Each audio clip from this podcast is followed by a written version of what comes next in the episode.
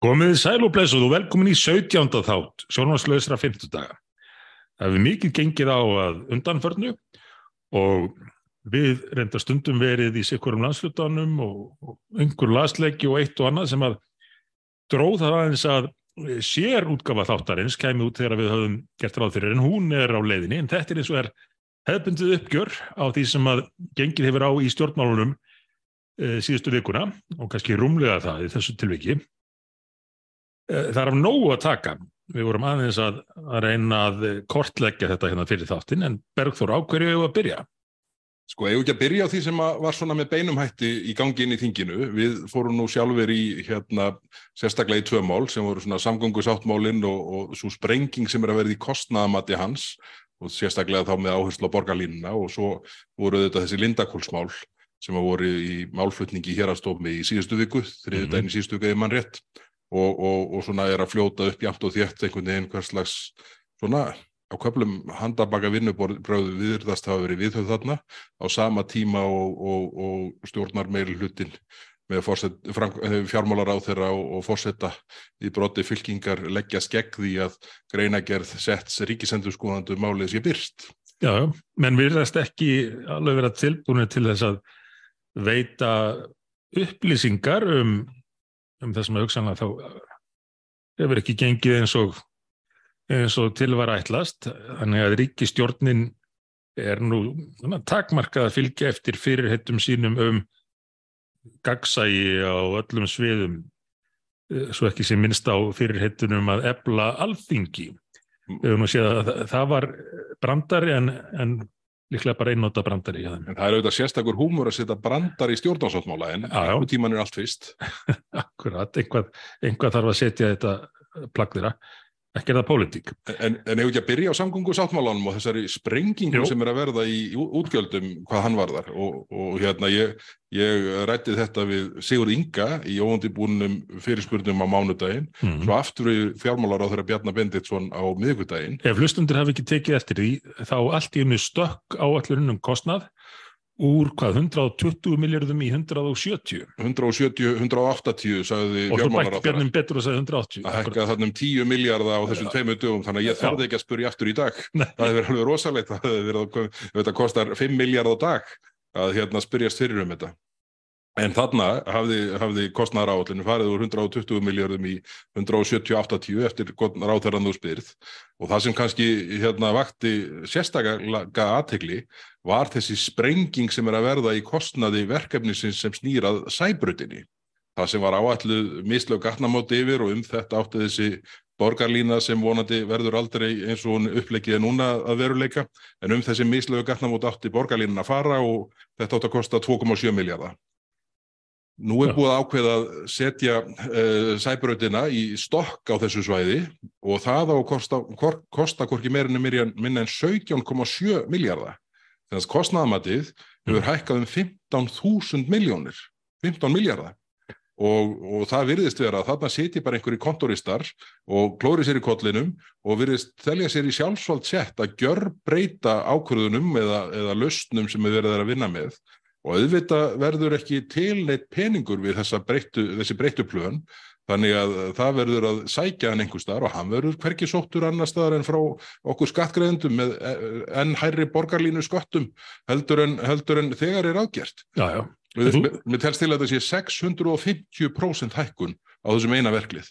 Þetta er náttúrulega alveg með ólíkindum en þú sér hvað þau eru að gera þarna. Þau eru enn að færa sig frá upprunlegu áformum þessum áformum sem átt að vera jákvæði þátturinn í samgöngusáttmálunum eh, sem að við vissum þá og er auðljóst núna að snýrist náttúrulega fyrst og fremst um þessa borgarlínu.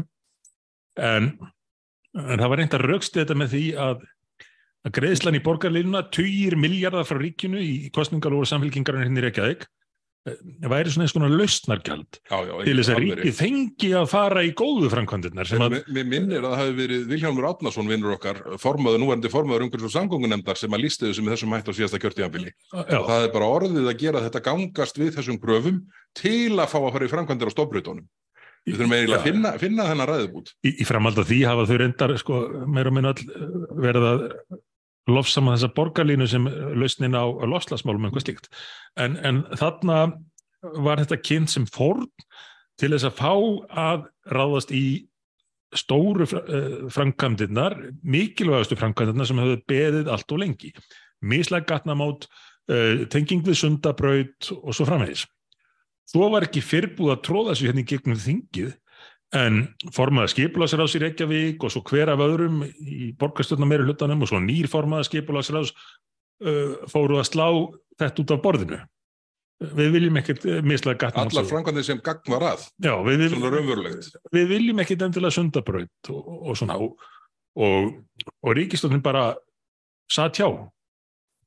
Reyðið ekki andmælum við því þegar að borgin hendi út öllum málunum sem átt að vera megin rökin fyrir þessum samgöngusáttmála og bættu svo bara í, í borgarlinuna og það var búið að taka út hinn á þessi mislega gatnamót. Og hvað er svo gert varðandi það sem átt að vera tengingin við sundabrautina og upphafið henni? Því er svo slöfan núna.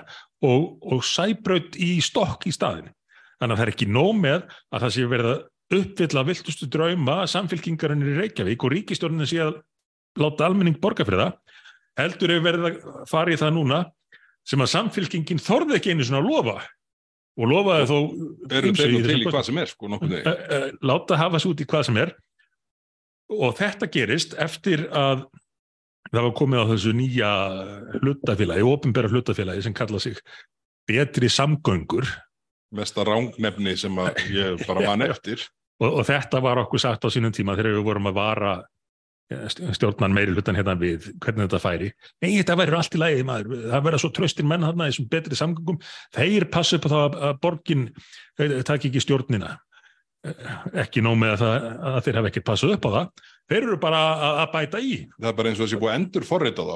Ágættis menn já, já, já, og eflust konur þarna líka sko, en, hérna, en það er bara eins og þessi búið að endur, endur forrita þá sem þarna kom inn og átt að vera einhverslega sko, hérna, eins og ég man að því var líst í eiruna mér einhvers, í einhverju sam, samtalenu þarna koma nú inn all, bara harðhausar frá okkur sem láta sko ekki neitt ruggl frá degi bjekta sinni yfir sig ganga. Svo voru þið bara endur forrætaðir Þetta var einhvern svona stráka mínir hafi ekki svona mikla ráðgjur sko bara lof ykkur því það var alveg harðaðsar hann inn og, þeir passa þetta. Og svo eru þeir bara að halda áfram að henda út af borðinu. Þessum fáu framkvæmdu sem eftir voru af því sem að sem tala var nöðsynlega. En, en þessi tilnefing sko að henda framkvæmdum út af borðinu sem, sem voru inn í sko þó það sem var til bóta í þessum samgöngusáttmála, mm -hmm. þetta var auðvitað bara framhald að þessum furðulega samningi sem var gerður hér 2011 minnum það hafi verið, 11-2012 um framkvæmda stopp á auðvitaðsvæðinu sem að í staðin fengu, sko, fekk borgarapparatið miljard á ári cirka bát inn í rekstur strætó. Já, já, og að vera til þess að auka notkun og mjögst ekki neitt. Gerist ekki neitt, ekki neitt. Og, og ef einhvað virkar ekki þá bara haldu þau áfram að gera það sama og bara bæta í og með borgarlinu. Já, já, já. En þú spörðið Sigur Inga út í þetta mitt og það kom nú bara daginn að enn virðist ráðfæra málflokksins ekki hafa hugmynd um hvað er að gerast eða hvað hann er búin að samþykja. Því að hann... Ef þetta verður nú það eina. Já, ef þetta verður eina, akkurat. En hann áttaði sig ekkit á, á stöðinu og taldi að, að það væri nú líklega ekkit búið að ákveða þetta sem að þessi, þetta ríki í ríkinu, þessi stopnun hann hafi tilkynntum og það er lit að koma til þingsins.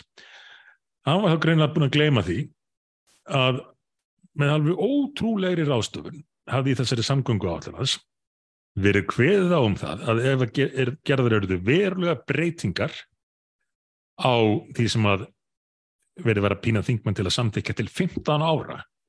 Ef eru gerðað verulega breytingar af því þá kemur það ekki inn í þingið. Það fær í einhvern sérstakann úrskurðarhóp full, stýrirhóp ókjöruna fulltrúa. Og svo, svo spurður við Bjarnar og já, hann hafði helst uh, um þetta það að segja að já, að bæta þarna við 10 miljardum í, í matið. Það verður engin hugmynd um hvað þetta endar og hafði aldrei. Þegar vorum að ræða þetta mál henni hérna í þinginu þá vissi engin hver kostnæðin við borgarlínu er því fjármálur á þeirra virtist ekki eins og þeirra vissum hvað borgarlína væri. Áttum ég erfitt með að svara því. Það ætti bara eftir að koma í ljós. Samt ætla hann að sko, selja verðmæntisteikinir ríkisins og skatleikjallan almenning til þess að framkama þessa, búa til þessa borgarlínu sem engin vissi hvað er því og enginn hafði hugmyndum hver ætti að bera rekstrakostnaðin Nei, nei. og hann ég, verður ekki lítill. ég spurði þá báða að því hvort þeir hefðu séð ekstra áallin fyrir apparatið, borgarlínuna. Og hvorur svaraði því, þannig að auðvitað hefur hvorur séð, uh, séð það, sko. Og, og það er, mér þótti nú kunstugt að, að lýsingarnar þarna mitt jól og nýjárs þegar þeir einhvern veginn í felum en kunnu nú ekki annað, við annað en að byrta tilkynningum um þetta að hérna, treystu sig reynleikið til að gera þetta með þingvara störfum þegar ríkisjóður afsalar sér kjeldnalandinu inn til betri samgangna þá gerir, eh, hérna, gera talsmenn ríkistjórnarinnar í þessu sammingi mikið úr því að þeir hafa fengið sko hlutabrjöf í betri samgöngum fyrir kjeldnalandið þetta hlutabrif er auðvitað vita ö, verðlaust. Það skiptir engum máli hvað standa mörg núl á því. Eina sem verður gert með þetta hlutabrif verður að berja fjármálar á þeirri höfuðið. Já, Ár eftir ár eftir ár sem staðista eigandana þessu apparati. einmitt. Þið eigið þetta, þið verða að borga. Þið eru búin að borga 90% uppbyggingakostnaðinum, nú borgiði 90% af verður Nákvæmlega þannig, nákvæmlega þannig.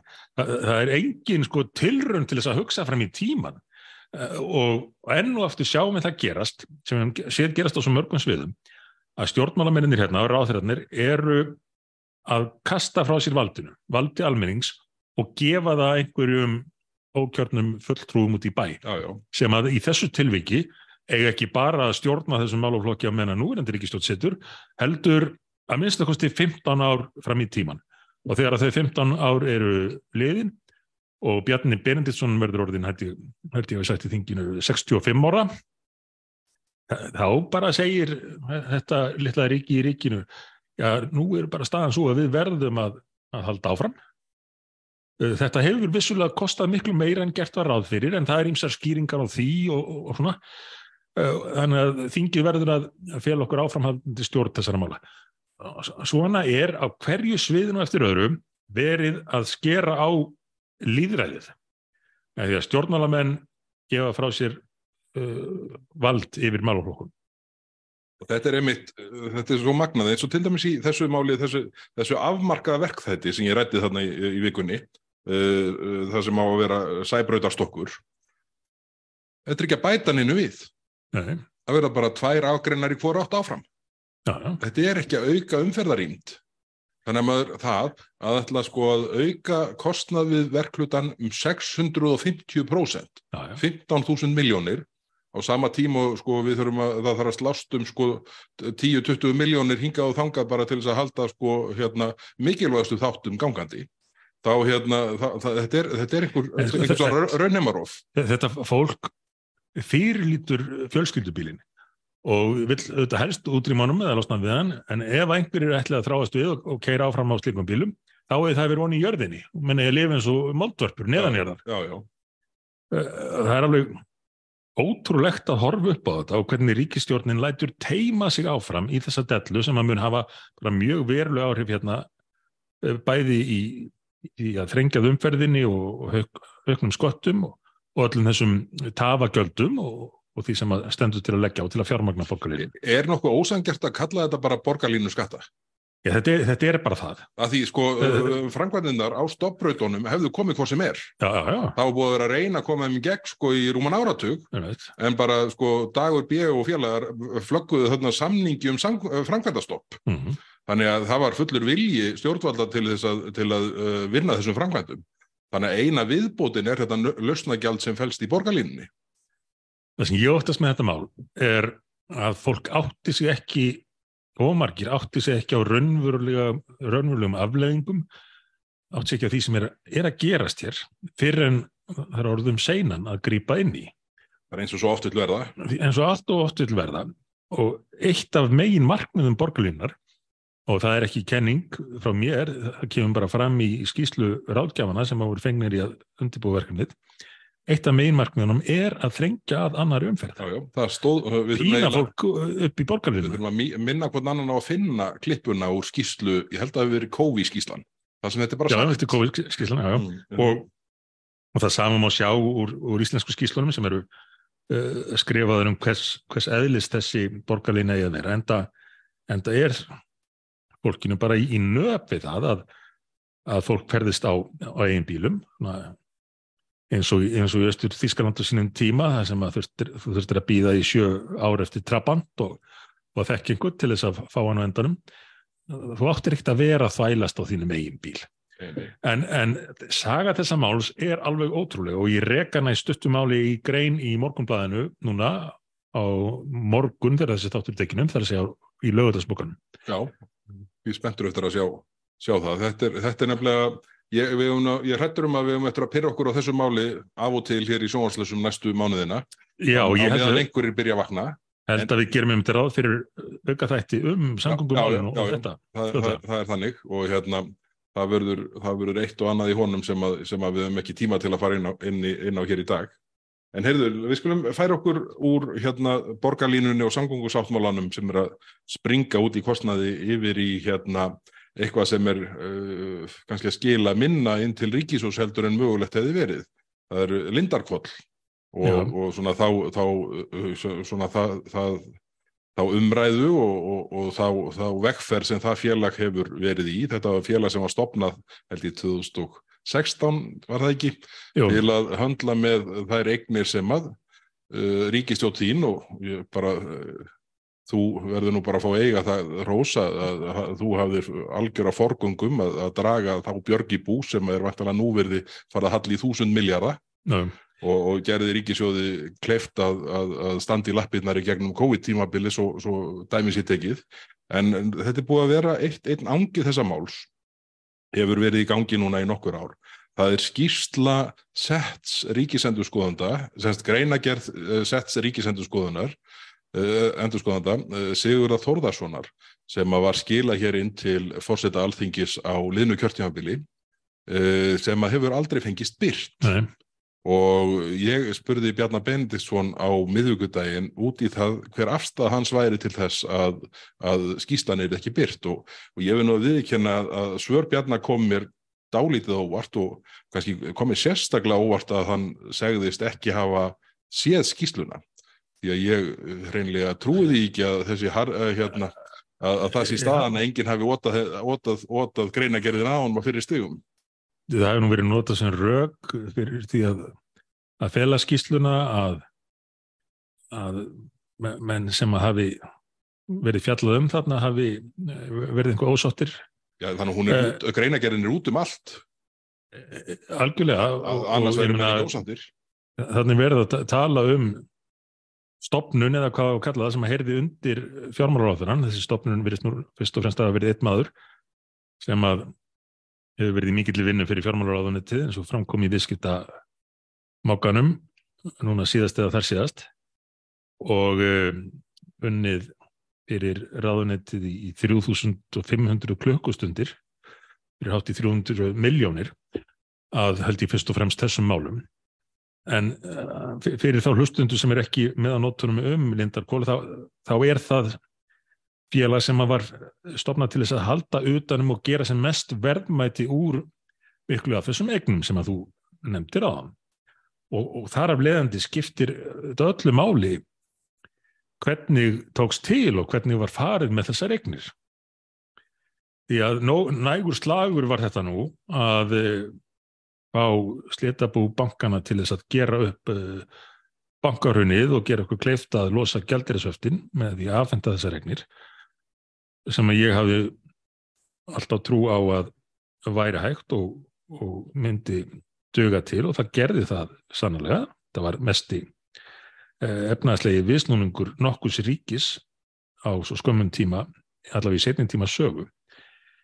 En þegar ríkið yfirtekur uh, alls konar reiknir þá, þá þarf að fara þannig með þar að það er í fyrsta lagi skili sem mestum ávinningi fyrir, fyrir almenning og í öðru lagi að, að sangirni og jafnræði sé gætt og þess vegna alveg förðulegt að núna ár eftir ár eftir ár skuli einsum eh, bröðum beitt til að koma í veg fyrir að uh, almenningur fái að sjá þessa vinnu sem þarna var unnið. Já, já, þetta er og, og sko, það sem er að hérna svona berast út úr svona fréttir af málflutningi í máli fríkusar tvö gegn Lindarkóli. Sem að uh, fór fram aðal meðferð í byrjun síðustu viku bendir til þess að þarna hafi nú verið svona viðhaft sleifarlag mar, uh, hvað marga þætti varðar. Uh, við þarna koma lýsingar af því að bjóðendur hafi átt í miklu merfilegum með að fá upplýsingar. Það eru sagt frá því að, að eitt bjóðandi hafi hringt linnu löst heilan dag til þess að fá ná sambandi í númer sem gefið upp og ekki svarað. Svo kemur á daginn að, að, að á þriðja tug upphaflegra áhuga samra bjóðanda þá er, bjóðanda, þá er ekki nema þrýr sem bjóða og tveir þeirra eru frontaðar af starfsmönnum klakka Já. og er, þessi ásýnd eru þetta þeirra gerðar að það er ekki bóðlegt að við, við hafa þá leindarhyggju sem að uh, umleikur þetta mál allt saman og, og það er uh, það er nú mikið búið að vera að tala um það að að á gaggrina í tengslu með sölu Íslandsbanka að starfsmenn Íslandsbanka hafi verið þar að gera tilbóð í hluti sem að sko þó voru skráðir á opnum markaði.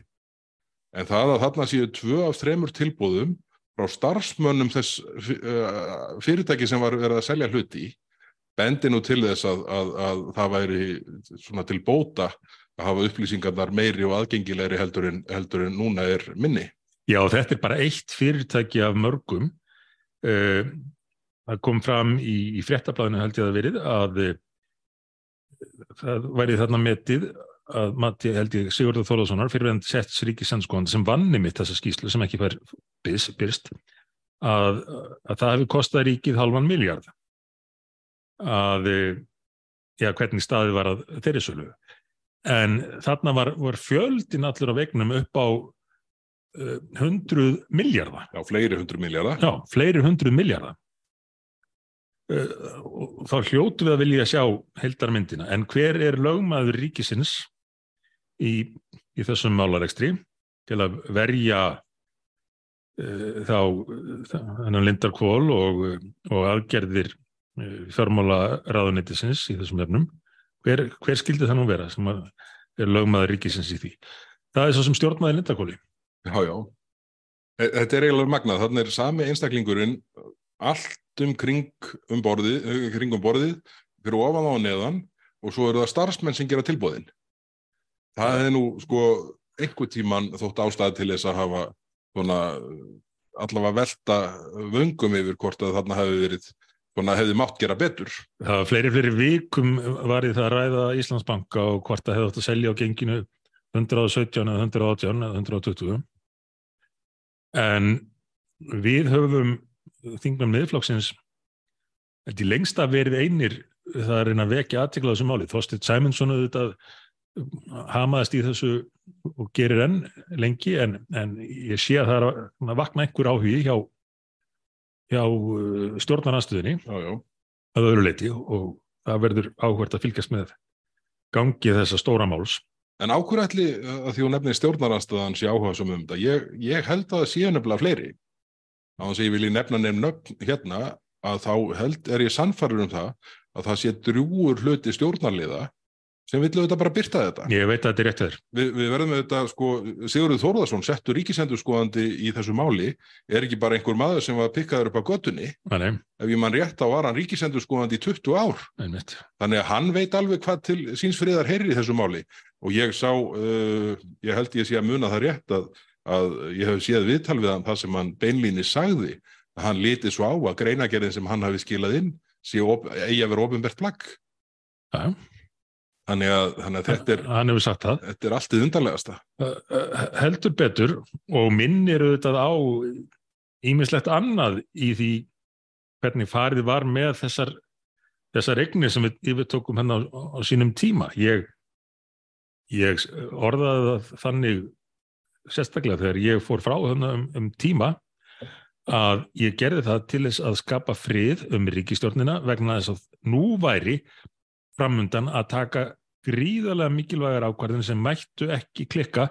Þar að segja að koma þessum verðmættum öllum í, í, í verð og, og það þurfti að standa að því uh, á, á opinn og, og, og skilvökkan hátt til þess að hámarka virði þessa regna það mætti ekki klikka uh, ríkistofnin þyrti að hafa frið til þess.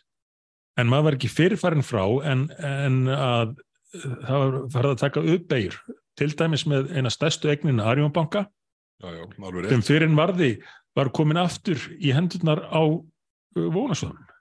Og, og að því að hún nefnir Arjónbanka, þá tókum við nú slag hér á liðinu síðasta kjörtíðanbili þegar ríkistjórnin ætlaði sér að gefa eftir gagvart þeim sem að sko síst höfðu spilað með í, hérna, í uh, örnum stjórnvalda.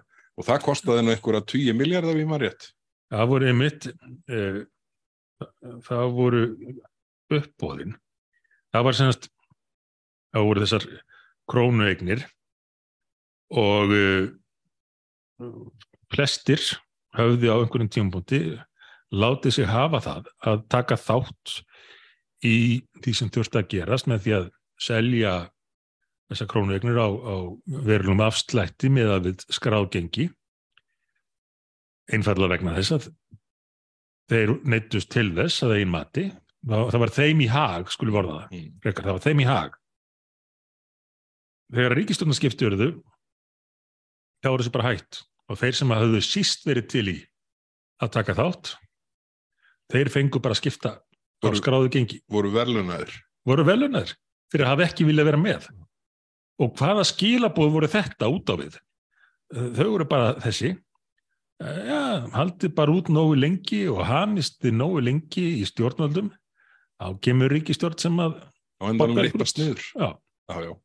Þetta er alveg agalegt. Og, þetta, og þessir aðilar sko, þeir auglýstu fyrir kostningarnar alveg rétt. 2016 2016, já. þeir auglýstu í rauninni gegn uh, þeim stjórnmálamönnum sem að stæði vegi fyrir því að þeir næðu sínum fram mikið talað í bandaríkjunum að viðar um, um sko, erlend afskipti af pólitík þarna var þetta látið viðgangast já, já. og já, fljótlega eftir að myndu að ný ríkistöð þá, þá náður sínu Já, já, akkurat. Það er nú málið. Heyrðu, við látum þetta duga hvað Lindarkól varðar í dag en það er, mér segir svo hugur að það verði fréttir að þessu máli í næstu viku hvað þingi varðar en svo má þetta rekna með dómsuppkvaðningu í hérastómi vantalið þar næstu viku. Og, og hérna þá er nú hætt við að, að þeir sem, uh, sem sitja á gull, liggja á gullinu þeir hérna þeir verði svona minna uh, fáklættar eftir því sem dagarnir líða. Þetta, uh, já, það, það, menn þurfa að vera mjög harðir ef þeir ætla að- liggja á þessari greinækjörð fram yfir uh, málflutning og dómsniðustuð í landsréttu og eftir, eftir vil hæstarétti. Ná, því að þetta fer málið þangað. Já, þannig að ég held að fyrsti tíminn sé bestu til að byrta þetta Heyrðu, en þá að hérna málinu sem hefur nú yfirtekið þingið hvað, hvað umræður varðar í þessari viku, útlendingamálið já, Við eh, svona, eh, lögðum nú svona megin hluta okkar sjóna með fram í eh, síðustu viku. Þinglokku Pírata hefur hérna hefur rætt þetta mál í þaula núna í gegnum þessa viku og, og, og gera enn. litla útlendingamálið Litla útlendingamálið og það, þetta er þetta hérna uh, eins, eins, og, eins og þetta allir vita þá, þá eru sjónamið okkar og, og píratana mjög ólík í þessum efnum en mig grunar að hluti af því að, að píratarnir séu svona einarðir í því að, að halda umræðinni gangandi sé það með hvaða hætti stjórnaflokkarnir hafa handir að mál sem að þeir hafa náði gegnum aðra umræðu á fyrirstigum Mhm. gegn lofvorði að taka málið inn, á, inn í nefnda mill annar og þriðju og gera það eitthvað með það. já, Uh, og, og þannig að það, það sé vantrusti sem stjórnaflokkarnir eru búin að koma upp gagvart sjálfum sér. mhm. Auðvitað ef á að gera eitthvað með málið mill annar og þriðju umræðu þá ætti þetta að herða á og gera það betra, færa það nær því máli sem Sigriður Andersson lagði, uh, það er að gera þetta málað engu. Það nú málið, þetta er ræksni eins og ég, kallaði það. Og, og meiri sem núna síðast milli fjórðu tilurunar og þeirrar fymtu sem stendur yfir núna var aðalatrið tekið út það, það væri hægt að, að vísa fólki aftur til þess lands þar sem það hafði þegar fengið hæli Já, já. þannig að það er áfram svona bóðið upp á það sem kallað er asylum shopping það sem Íslandi er eftirsóttast, að verða eftirsóttasta varan Já, bara við, þetta blasir við, sko, og þetta er, það er nú oft talað um, sko, áhrifin sem að Ukraínustriði hefur haft á, á strömmflóttamanna. Þetta vandamál var löngu tilkomið.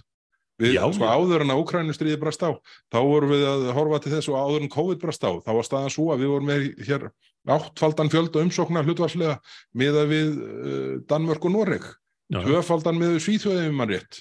fjórfaldan cirka bát með Finnland. Og það gerast ekki á sjálfu sér, það er vegna þeirra stefnu sem að reikin hefur verið hér. Já, ekki er þetta fólk að segja enga í veðrið. Nei.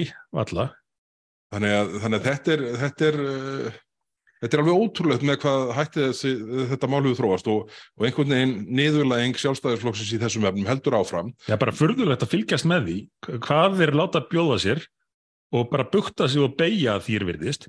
Þessi tilraun til þess að koma málunni gegn þegar þeir sáðust vera búin að fá lofurðum að málið er kert í gegn. Það var nú aldrei lis. Það er bara fyrsta málið á þessu þingi, núna síðasta haust. Uh, ekki gegn það eftir, en þeir voru búin að afgreða fyrir framsóknarflokkin og minnstri græna Alltaf öll þetta málinn það. Já, og, og, og samramdu móttökuna sem Já, já, já. kom Íslandi rækilega á kortið sem áfangastað. Uh, en, en þeir láta berja á sér áfram. Það er einhvað Stokkólms hilkenni að gera vart við sér þannig. Uh, og nú er þetta mál að litlu sem engu orðið og píratarnir búinir að verja nokkrum dögum í að tala um það.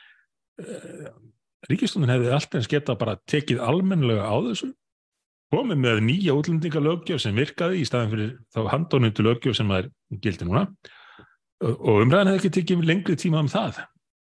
Það er nú málið en það þetta gerist ekki til þessari ríkistjórn. Nei, nei, Það- endur hún ekki mynduð um pólitík eins og, Nei, nei, nei. eins og uh, frækt varð.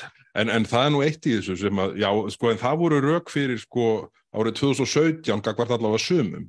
Það eru fráleit rök árið 2021. Já, já, Bara þau eru svo vittlus að það er bara, 2023 er þetta. já, akkurat, en ég meina svona þegar þessu reka, rekaldi var já, hérna á flót aftur, sko. Og hérna, þannig að þetta er einhvern veginn ég bara skil ekki sko að, hérna, að menn einhvern veginn bara hafi það í sér að nota þetta enn sem rökstuðning að það er bara ekki verið annað í spilunum. Ég skrifaði nefnt pistil í mokkan í morgun þar sem ég var svona að benda bæði sjálfstæðismönnum hérna uh, í landsmálunum og, og framsóknarmönnum í borginni á að það væri önnur leið og fyrir þá væri svo leið til hægri sem ég myndi halda báðum hugnaðist vel allavega sjálfstæðismönnum, en, en einhvern veginn eru stuðningsmenn sjálfstæðisflokksins landinum kring, látnir verið þeirri stöðu á kaffistofunum og heitupottunum allan tíma, að vera að verja uh, stefnu vinstri stjórnar Katrínar Jakobsdóttur og sko vinstri grænir eru með 1,3% umfram okkur í síðustu skoðanakonum Já. Gallup. einmitt. Og ef að framsókn og sjálfstæðisflokkur færðust aðeins til hægri, þá myndir kannski nálgast miðjuna. Sjálfstæðisflokkurinn er náttúrulega orðin einhvers konar samfylking. 2007 samfylking. Já, Já, já. En sko þetta eru, ég, ég segi nú stundum að hérna, það sé til bóta að, að það séu fámál afgreitt frá ríkisjóninni því að þau eru flest til óþurftar. Og það eru þetta uh, á meðan píratarnir tala núna, Já. stefnir í að þeir, uh, umræðan verði komin inn á þriðju vikuna, uh, ef framheldur sem horfir, þá, þá, þá, er, þá er allavega ekki vondumál ríkistjórnarinnar að hérna, rúla áfram en, en svo eru þetta mál sem að þyrfti að klára. Ég bara nefni sem dæmi sko tæknilegt mál sem var það sértrið skuldabriðu fjármálafyrirtækja. Hmm. þetta er hlutur sem að uh, mun lækka fjármögnuna kostnað og, og gera svigrum til lægri vaksta svona mál komast ekki á dagskrá á meðan, meðan þetta er í gangi en en, en mörg slæm líka á sjóndelda. það er nú málið sko ég, ég, ég held að, að, að mörguleiti þá væri besta niðurstaða hvers þings að ekkert mál stjórnarnar kemist í gegn nema það eru ekki hægt annað en klára fjárlögin og, Já, og já. ban- bandormin Já, og hvernig kláraði fjárlögin með því að setja alltaf ný met í útgjöldum ríkisins? það er rétt, sko það er rétt en Það na, hún eiginlega áskilur að klára þetta Ekki bara um að þetta prenta aftur út fjárlög síðast ást, það er þið allavega ekki tjón já, já, já, í samræmi við það nákvæmlega sem gerist núna hjá þeim ár eftir ár. En já, það, það er mörg vittleysan í pípunum hjá þeim eh, til að mynda það sem kom nú til umræði, hérna törvert hugmyndir fósættisráð fyrir um skildunámskeið um hvað ofinberi starfsmenn og kjörnir fulltrúar eh, eigi að hugsa og segja. já, hatturs orðræðan þetta, þetta er meira. Hatturs orðræðan svo kallaða Úff, sem að eh, auðvitað, eins og við þekkjum ótaldæmi um er, er endur eh, skilgreind jafnharðan þegar menn eru komin með tækin og völdin til þess að berjast gegninni þá fara þeirra skilgreina allt sem hattur sem, það sem að það gengur gegn sjónarmiðum þeirra og þarna sjá vinstri grænir greinlega enn tækifæri til að að ganga á, á lagið og, og getur rétt ímyndaðir hvers konar hópur það væri sem að uh, takja að sér að sjá um þessa, þessa kennslu, hvort að það væri þverskurðu samfélagsins sem að það er mætti með ólík viðhorf, nei það verður ekki þannig. Það er enga líkur á því. Uh, það þarf að finna störf fyrir þá sem að vinstri grænir hafa útskrifað úr, úr nýju vandamálagreinunum sínum við háskóluna og uh, þetta maður óttast að sjálfstæðis og framsunarmennin láti bara bjóða sér þetta eins og annað þó að fjármálar á hann hafi reyndar viðkent að hann hefði efasemtur um að það væri rétt að senda fólk á skildunámskeiðum um hugarfar. Já, svo gerist ekki neitt. Nei, nei. Uh, fjármálar á þeirra hefur hérna efasemtur um þetta en svo bara heldur þetta áfram. Það hefur verið að teima okkur hérna í þingin og alls konar kostnaðasum námskeiðum einhverja dellu. Já, já.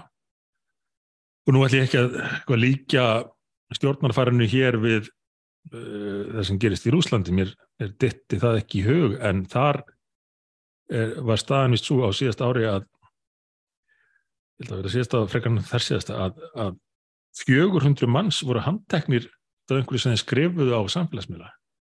Handteknir vegna skrifa á samfélagsmiðla. 400, uh, 400 manns. Það- En veistu hvað sem margir voru handteknir í Breitlandi á sömu, sömu, sömu sækir? 400 var í Rúslandi. Uh, 100. 3300. Ah, Þetta uh, benti Konstantin Kissin uh, sem er nú svona barátumadur fyrir, fyrir málfrelsi og, og keppinutur okkar á, á uh, hlaðvarpsviðinu. já, í trigonometri. Frábært hlaðvarp. akkurat, be, benti á þetta. Ég Og- mistaði þessu. Býtu eftir að segja að það hafi næstu því tífaldur fjöldi þeirra sem var handtekinn í Rúslandi fyrir að segja það sem var uh, hérna, mótrækt stjórnvöldum Já, verið handtekinn í Breitlandi. miða við, við þessar uh, tölur og hann hefur nú vakið aðtegli fyrir að svona, setja þessar hluti alla í, í samengi. Hann er sjálfur rúsneskur þó hann að uppruna þó hann sé ekki uh, aldeilis ekki stuðningsmaður stjórnvalda þar Nei. En, en málfrelsið er einhvað uh, sem þarf að verja og, og passa upp á uh, sjálfstæðisflokkurinn, framsamaflokkurinn ég, ég veit ekki hvort að, já, ætla ekki ráðferðarnar og þingmenninir hafi með sérstakann áhuga á slíkum grundvallar atriðum lengur. Þeir vilja bara fljóta með, vera í stólunum og, Já, já. og, og telja þetta kannski ekkit ekki það mikilvægt. Frelsi tapast aldrei allt í einu. Nei, nei. Það tapast þegar að menn uh, hætta að þóra tjá sig og, og verja það eða, bara að hugað einhverju, einhverju öðru. Já, þetta er hérna, þessu þarf sannarlega að halda á lofti og, og, og hérna og, það er nú, þó ekki aðri gera það, þá höldum við áfram að gera það. Já, en þa- þarna eru þau komin algjörlega út í mýri eins og mörgum sviðum og það leiðir hugan að votlendis málum, Sér, það sem sástu þess að góðu þetta tengingu var frábærlega gert, bara bravo, ef ég væri með svona uh, hljóð í mixernum, svona klapp, þá myndi ég setja það inn núna í fyrsta skipti í 17. þætti, þetta var snildarlega gert. Heyrðu, en Votlendi sjóðurinn, hann lendi út í mýri núna í vikunni. Já, Hvað er eiginlega hægt að segja? Þetta er þetta, þetta við slegið mig sem einhvers slags ponzi-skím. já, já.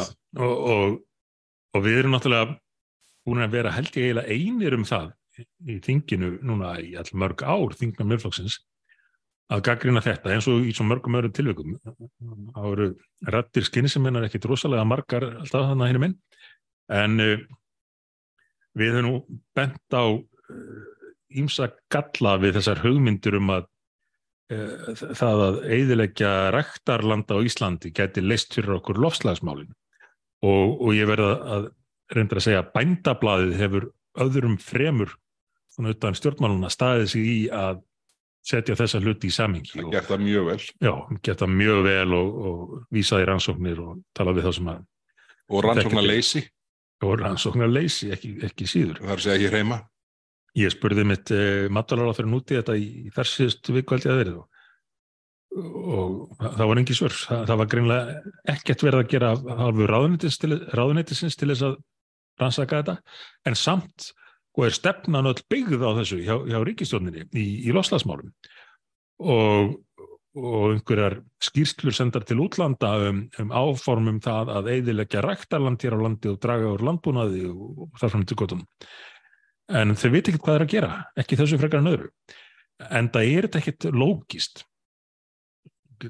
Rétt ímyndaðir sko þegar að, jú, jarðvegur er, er þurkaður fyrir annars konar uh, jörtir, í þessu tilviki oftast uh, gras, en uh, þegar jarðvegur þurkað þá, þá auksanan losnar einhvað af koltvísiringi úr, úr jarðveginum.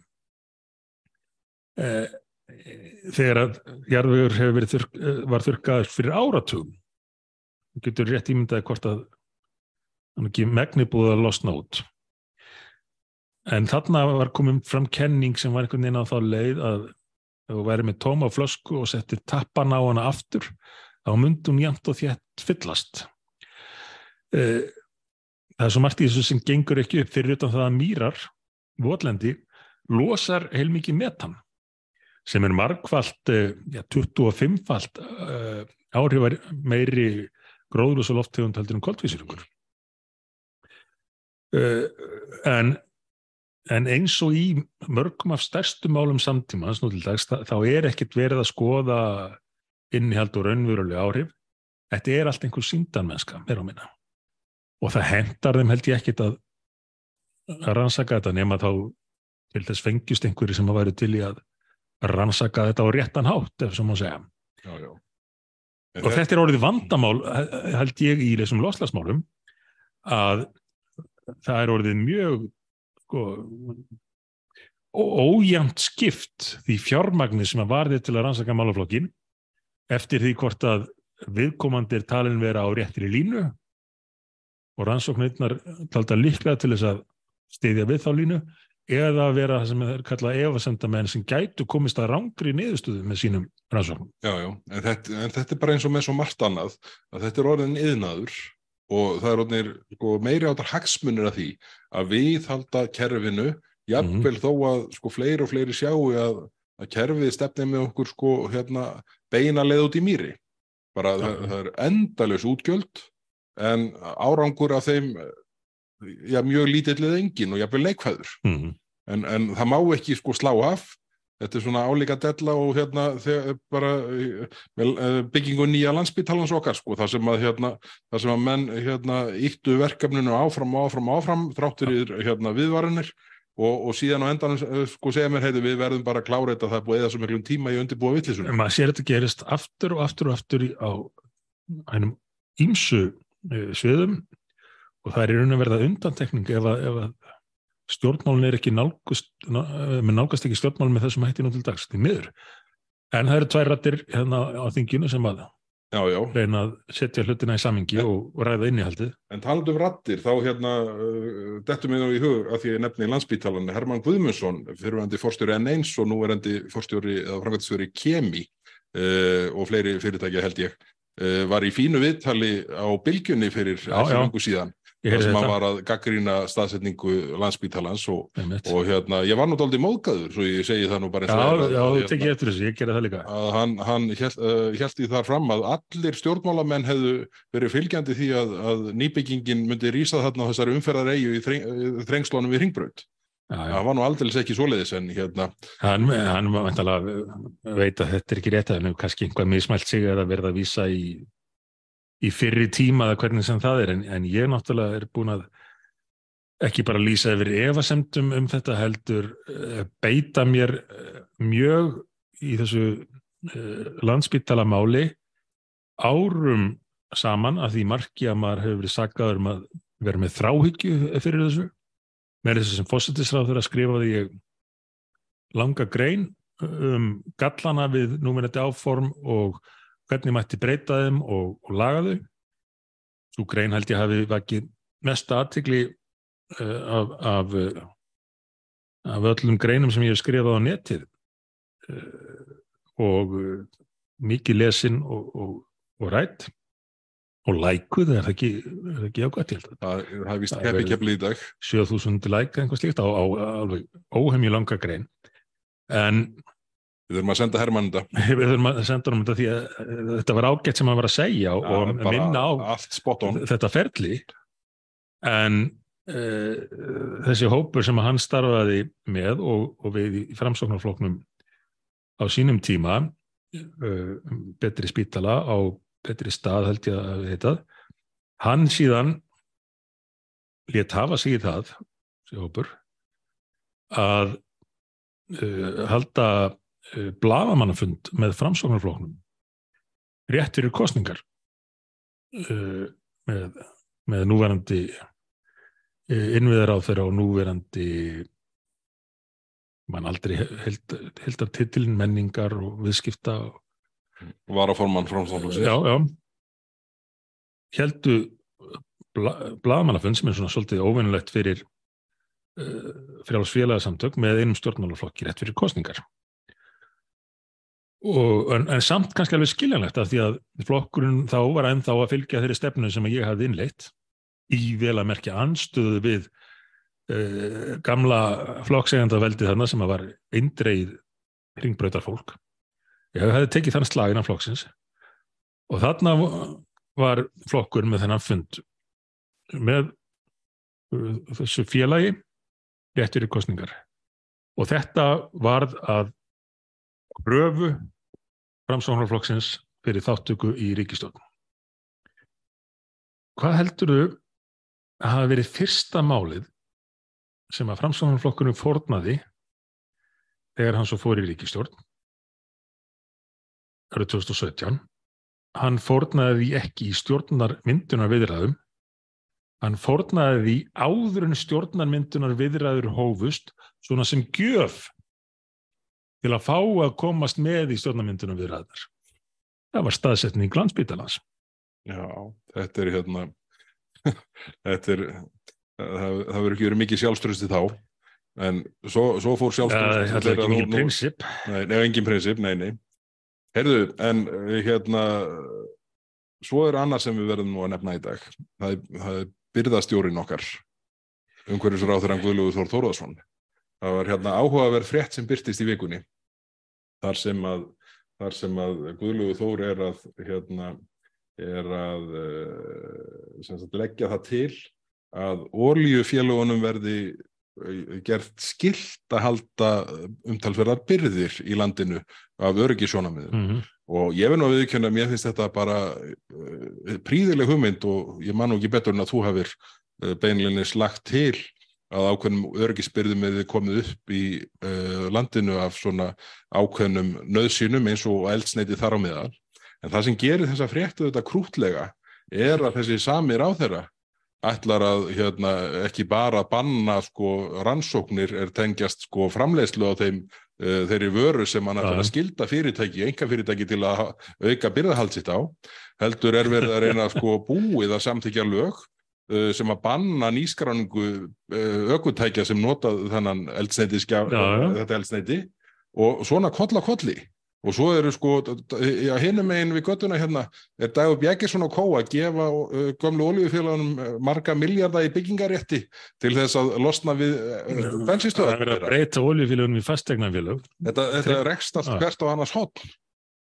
Algjörlega. Held að... Það er nú ekki skrítið að þessi búið að breyta oljufélagunum í fastegnaþrónafélag, ég menn út því að það tók nú ekki nema ára að breyta betri samgöngum óháðið fyrir fastegnaþrónafélag. Já, já. Þannig að þetta er bara tískan núna.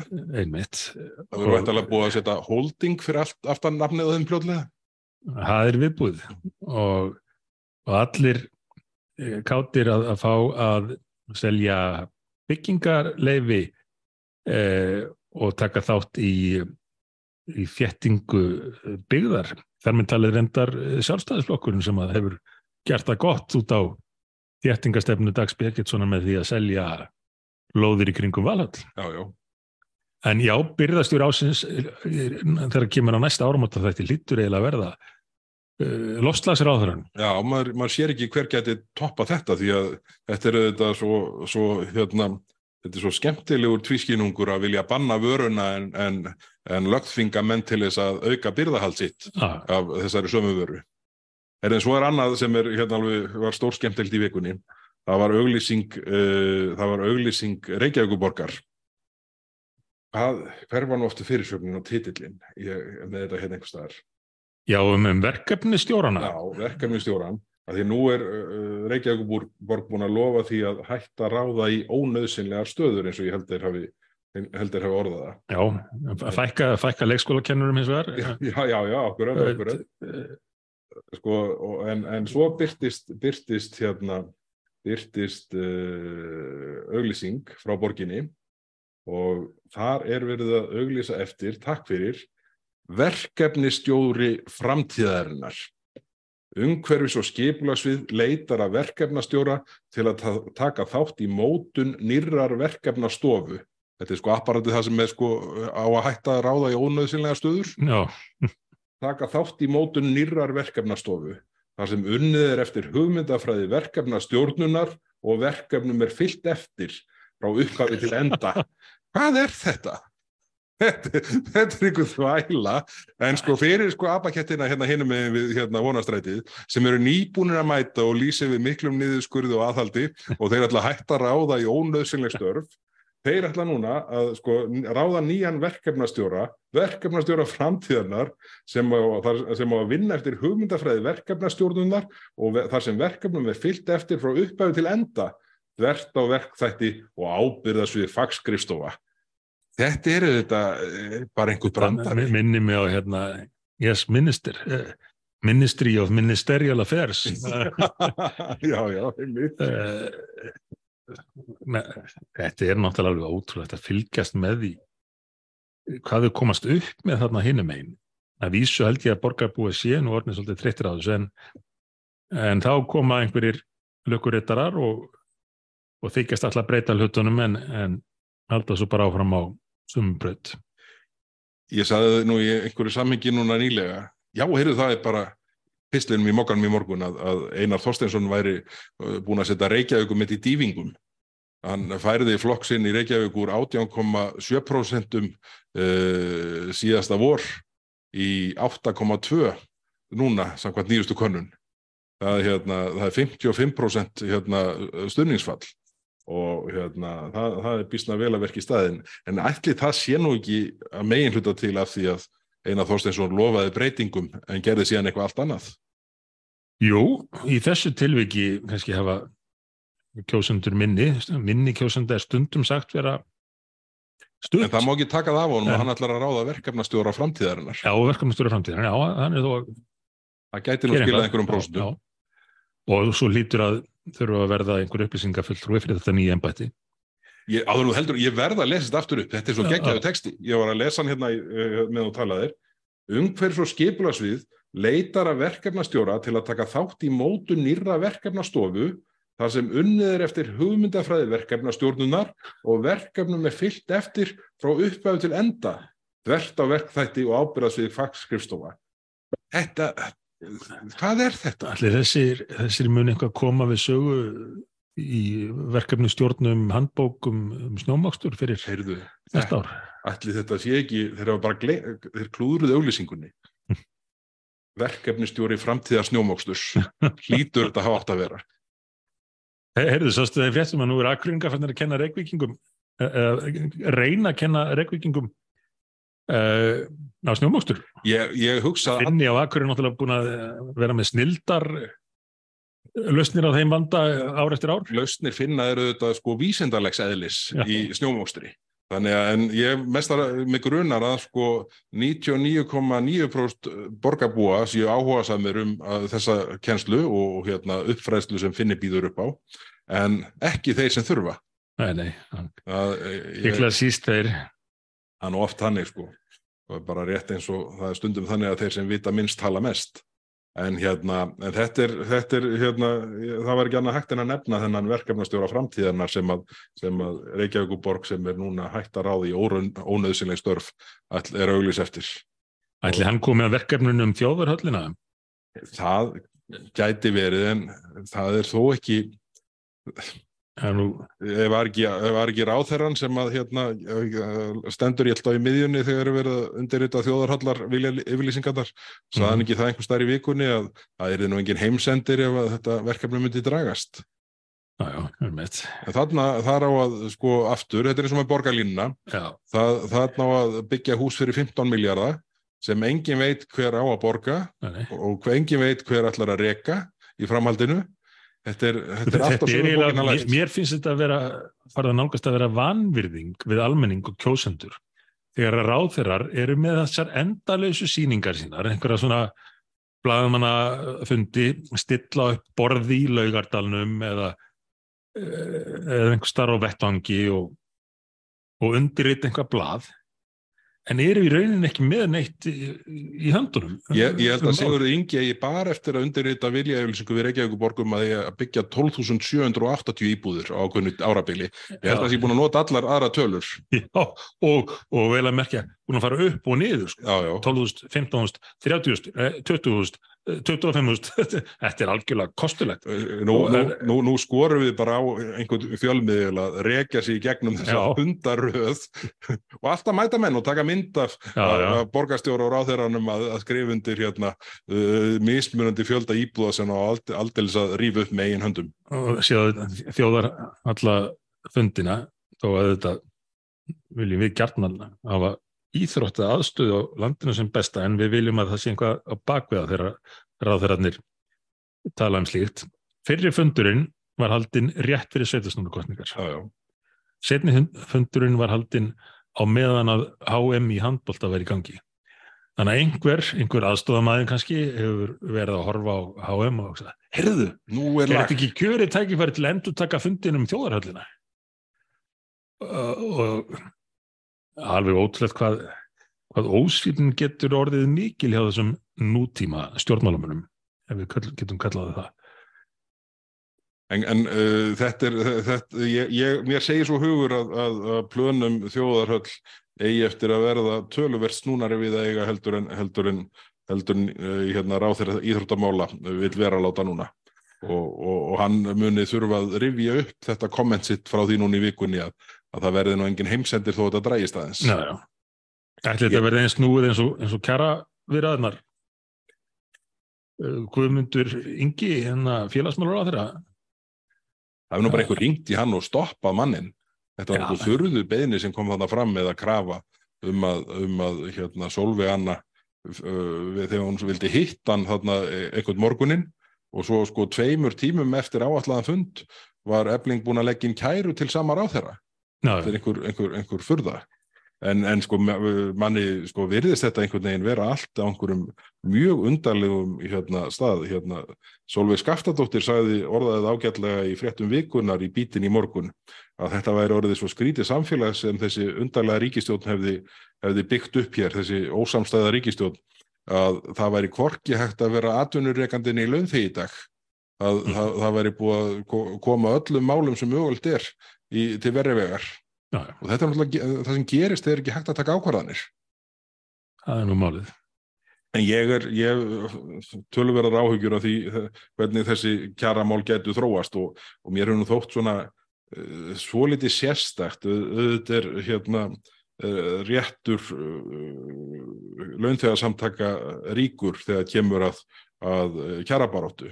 En til dæmis það, þessi, bara svo ég taki eitt dæmi, það að, að uh, það sé svona fókuserað á eitt fyrirtæki á svona því sem er í raun tvíkeppnismarkaður, hvað stærri myndina Já, já, varðar, eh, Einmitt. hvað, eh, hvað flutningaþjónustuna varðar.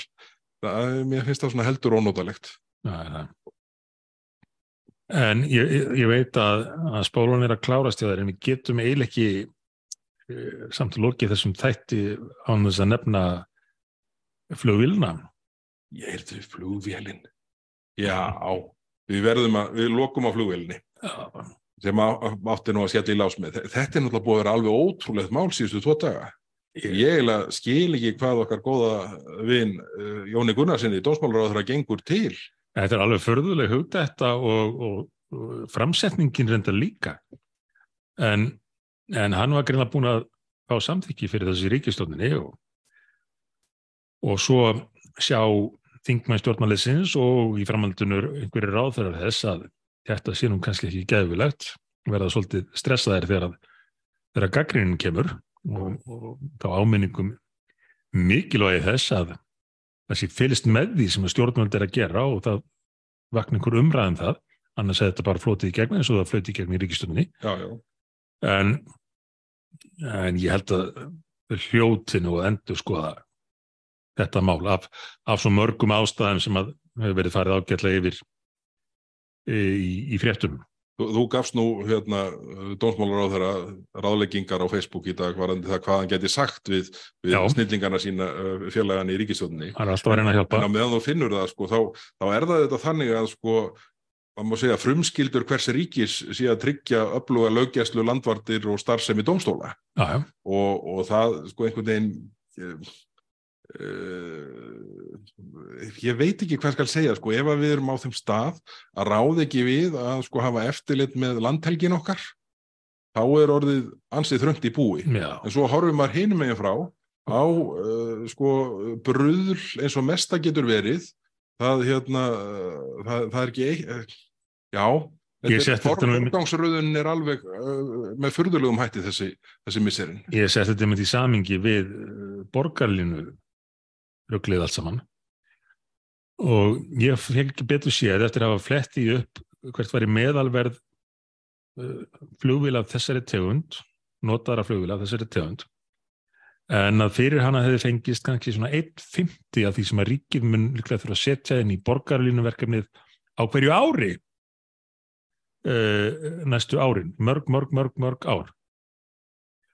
Og hvernig gerðist það að sjálfstæðisflokkurinn uh, fór að hafa meiri áhuga á því að hvað sem það kostaði að framkvæma kostningalofur samfélkingarinn í Reykjavík um eitthvað eilíðar vandraðaverkefni en að viðhalda uh, landalegiskesslunni og landvörnum og öryggi borgarna. Ég, ég finnst þetta bara svo skrítið hvernig hlutinir geta farið svona óskeiðis svona hratt, en já, já, svo kom einhverjir áþurar hérna fram núna í dag og doldi skelkaðir greinlega, hann vandi séð við bröðin og doldi að það, það fyrsti líklega að endur skoða þetta.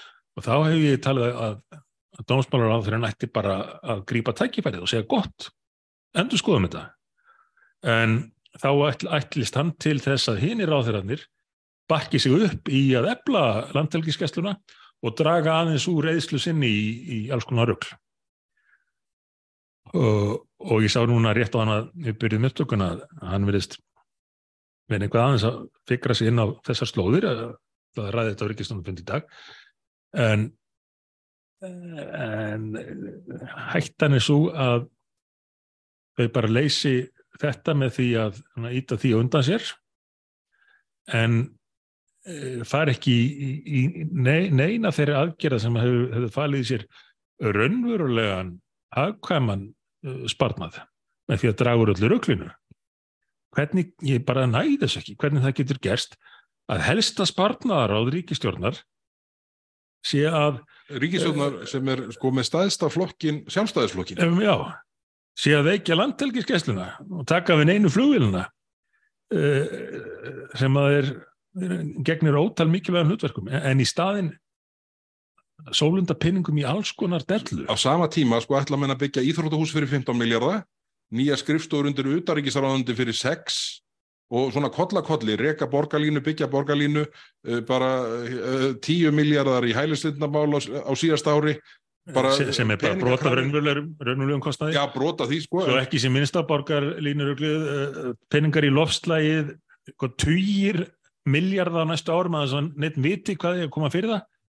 Uh, en svona alvöru hlutir sem að frumskilda eru frumskilda ríkisins þar sparaðir og ekkert, ekkert sérstaklega mikið en, en hafa þá mjög veruleg neikvæð áhrif með hugmyndinni. Herðu, við látum þetta að vera loka orðin Það er að því það er allt komið út í einhverju, einhverju síndardellu stjórnmál. Það, það sem að skiptir máli það er leitið fram hjá því og óhemju tíma varið í einhverjar umbúðir og rugl. Já, það er staðan. En nú, nú verður það að slökka aður en ég verður að pyrraður yfir þessu ástandi. Svo ég þurfi ekki að snúa kassetinu við. Herðu, kæru hlustendur, þetta er búið að vera gaman í dag. Við mætum hér galvaskir að viku liðinni og verðum þegar að þeim þætti kemur á nokkur svaga búin að taka upp fyrsta sérþáttin okkar sem að hérna uh, uh, hverfist um útlendingamálinn og, og ég bara hérna, byrði ykkur að, að býða róleg, hann kemur í loftið eftir nokkra daga en svo mætu við hér með hérna, fréttir vikunar í sjónvarslösum 50 að vikuliðinni. Takk í dag. Takk, bless.